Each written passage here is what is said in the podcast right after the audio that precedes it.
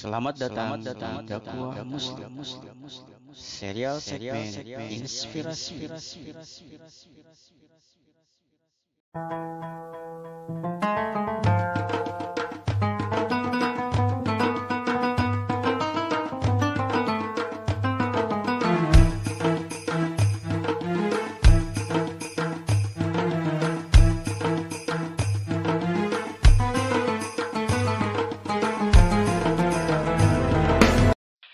Sahabat pendengar di mana pun Anda berada Balik lagi bersama kami Mubarok Anak Depok Podcast. Di sini saya sebagai host meminta maaf kepada sahabat pendengar di mana pun Anda berada Apabila tidak nyaman mendengarkan audio ini. Karena sejatinya audio ini direkam melalui handphone Android Dan menggunakan aplikasi perekam yang mana hasil rekamannya menggunakan format CD. Oleh karena itu, kami mau minta maaf kepada sahabat pendengar semuanya.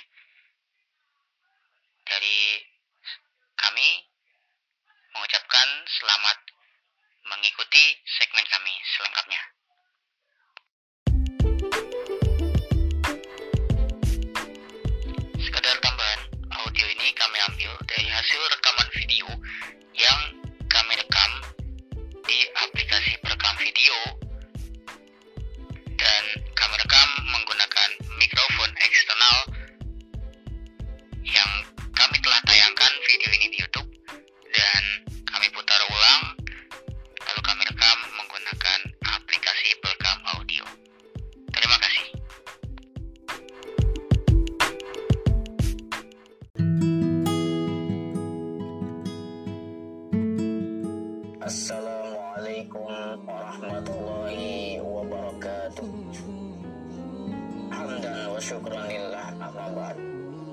Saudaraku yang dirahmati Allah subhanahu wa ta'ala Berjumpa kembali di kesempatan yang berbahagia dan baik ini dan mulia ini Marilah sama-sama di kesempatan yang baik dan mulia ini Kita mengucapkan syukur kita kepada Allah subhanahu wa ta'ala atas segala nikmat yang telah diberikannya kepada kita yaitu dengan mengucapkan syukur kepada Allah Subhanahu wa taala. Begitu banyak nikmat yang telah diberikannya kepada kita yaitu salah satunya adalah nikmat iman, nikmat Islam dan taufik hidayahnya. Maka itu sama-sama mari kita bersyukur kepadanya. Salawat beserta salam semoga tercurahkan kepada suri teladan kita Nabi besar Muhammad Shallallahu Alaihi Wasallam yang telah membawa kita dari alam kegelapan menuju alam yang terang minas zulumati ilal huda wa minas zulumati ilal. Sahabatku yang dirahmati Allah Subhanahu wa taala, mudah-mudahan dengan selawat yang kita baca dengan sunnah-sunnahnya insya Allah kita berusaha mempelajari dan mengamalkannya insya Allah kita mendapatkan syafaatnya di kelak. Amin ya rabbal alamin. Hari ini kesempatan yang baik dan mulia ini saya akan memberikan sebuah kisah inspirasi yang mudah-mudahan bisa menjadikan pelajaran untuk kita khususnya untuk saya pribadi. Sahib Mubarak yang dirahmati Allah Subhanahu wa taala ada kisah dari seorang sahabat Rasulullah. Ya. Di suatu ketika pada zaman itu berjalanlah seorang musafir pemuda dengan kudanya. Ia berjalan dan di tengah-tengah perjalanannya ketika ia melintasi gurun pasir. Di saat itulah bekal yang dimilikinya, yang dibawanya itu habis. Ia pun kebingungan bagaimana ia bisa melanjutkan perjalanannya dan mencari bekal untuknya. Di tengah-tengah perjalanannya ia melihat bahwasanya di sana ada satu kemah dan kemah itu ada di tengah-tengah gunung pasir itu. Ia pun memberanikan diri untuk masuk di dalamnya. Saat ia masuk di dalamnya, ia pun merasa keheranan.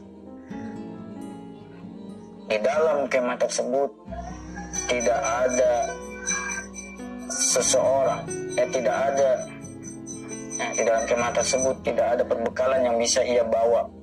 Makanan ataupun minuman yang bisa ia bawa untuk perbekalannya di perjalanan nantinya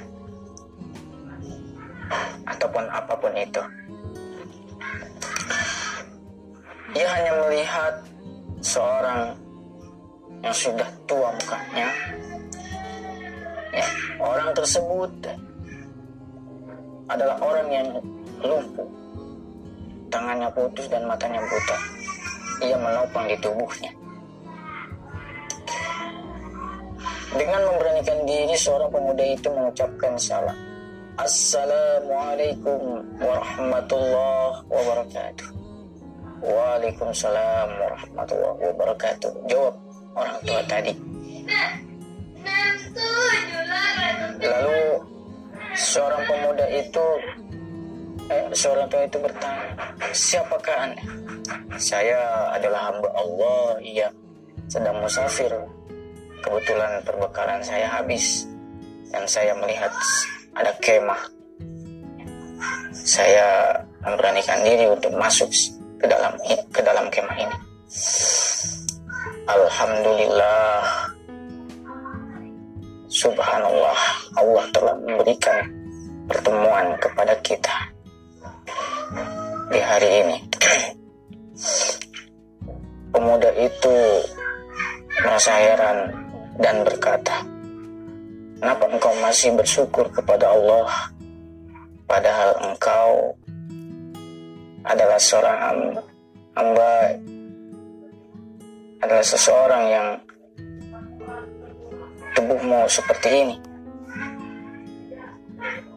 Lalu orang tua tersebut berkata,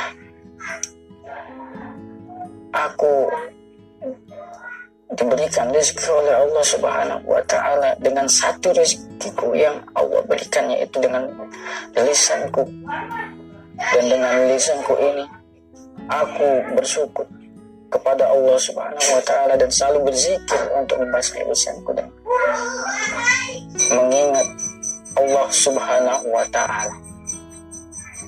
Kemudian pas pemuda itu bertanya, "Adakah yang bisa kubantu untukmu?" Lalu, seorang tua itu berkata, Sungguhnya aku di sini bersama dengan anakku. Beberapa hari ini ia tidak pulang karena mencari perbekalan untukku. Carikanlah anakku untukku dan kembalikanlah ia kepadaku.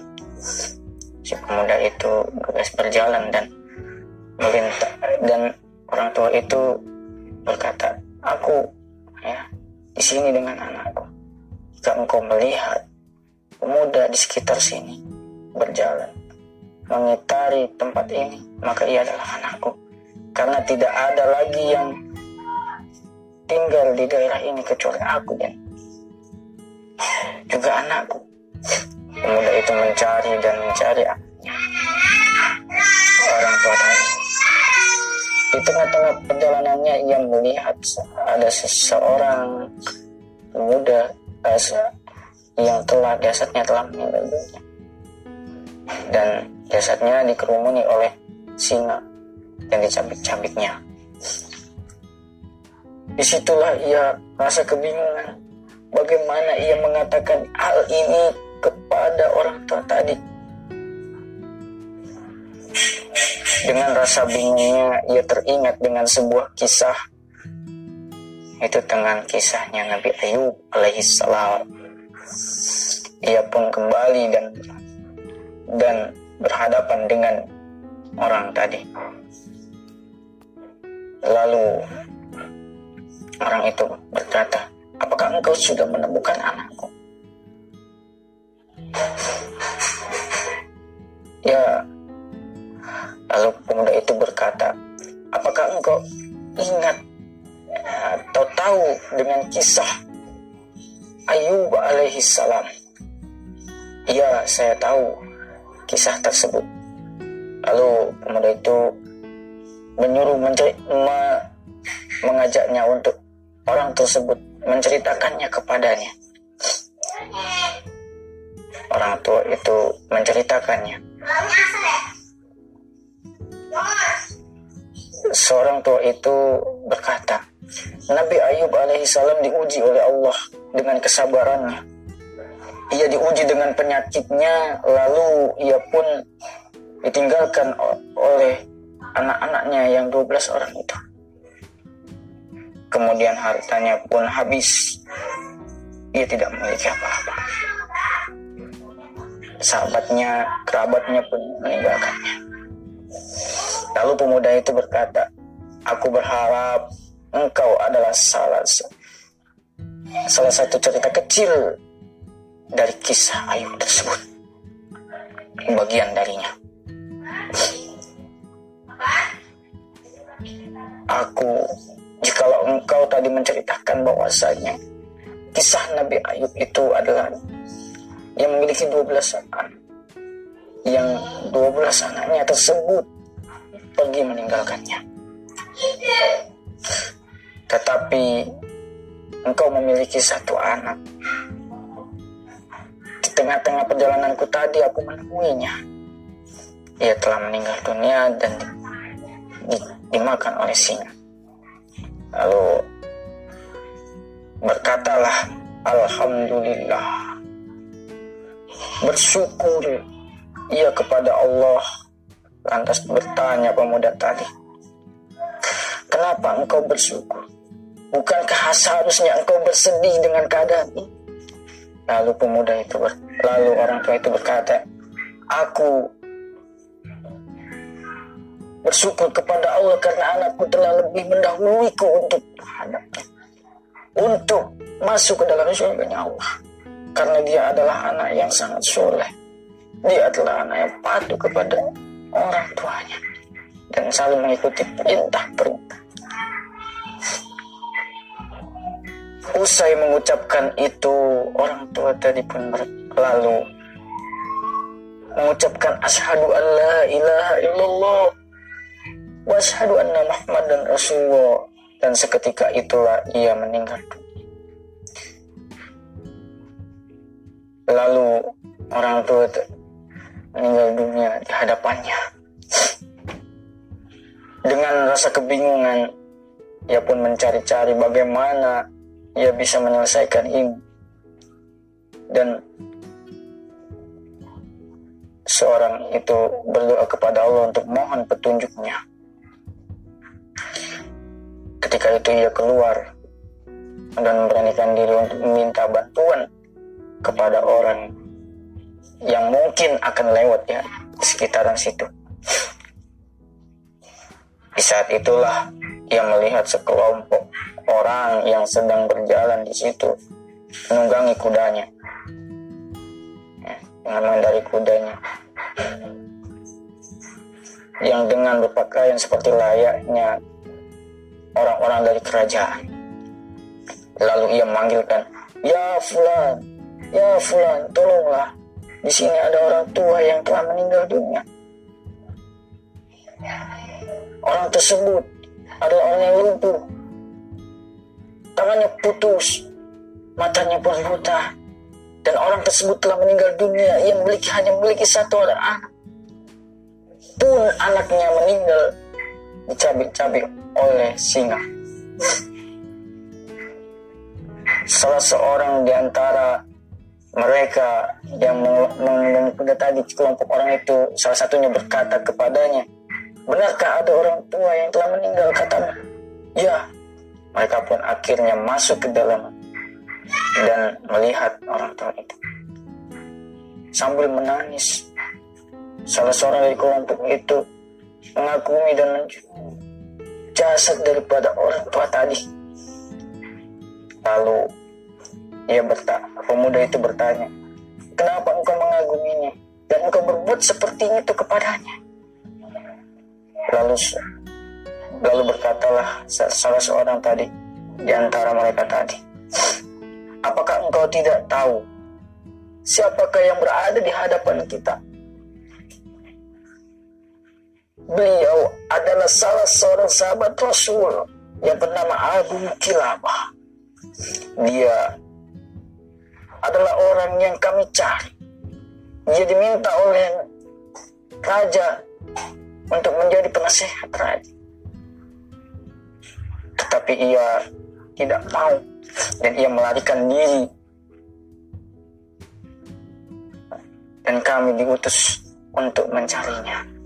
Seketika itulah orang tersebut bersyukur kepada Allah karena telah dipertemukan oleh salah seorang sahabat Rasul dan mendapatkan hikmah dari pelajaran yang ia dapatkan atas pertemuannya dengan sahabat Rasul tadi.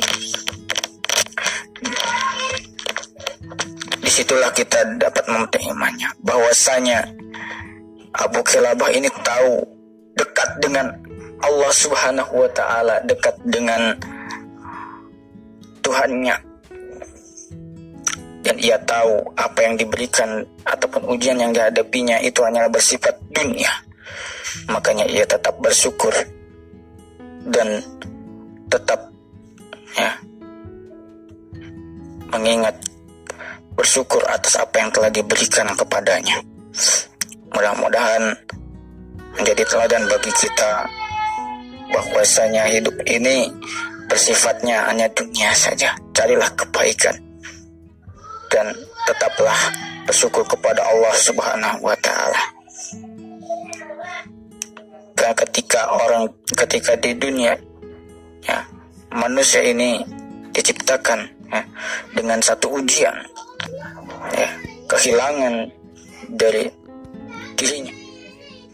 Demikianlah apa yang dapat saya sampaikan mudah-mudahan bermanfaat untuk sahabat-sahabat semuanya. Terima kasih. Ilalikum wassalamualaikum warahmatullahi wabarakatuh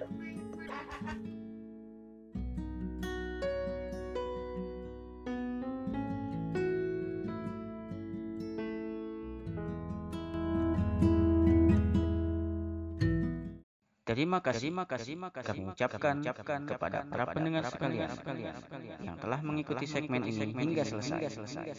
Sampai jumpa di episode berikutnya.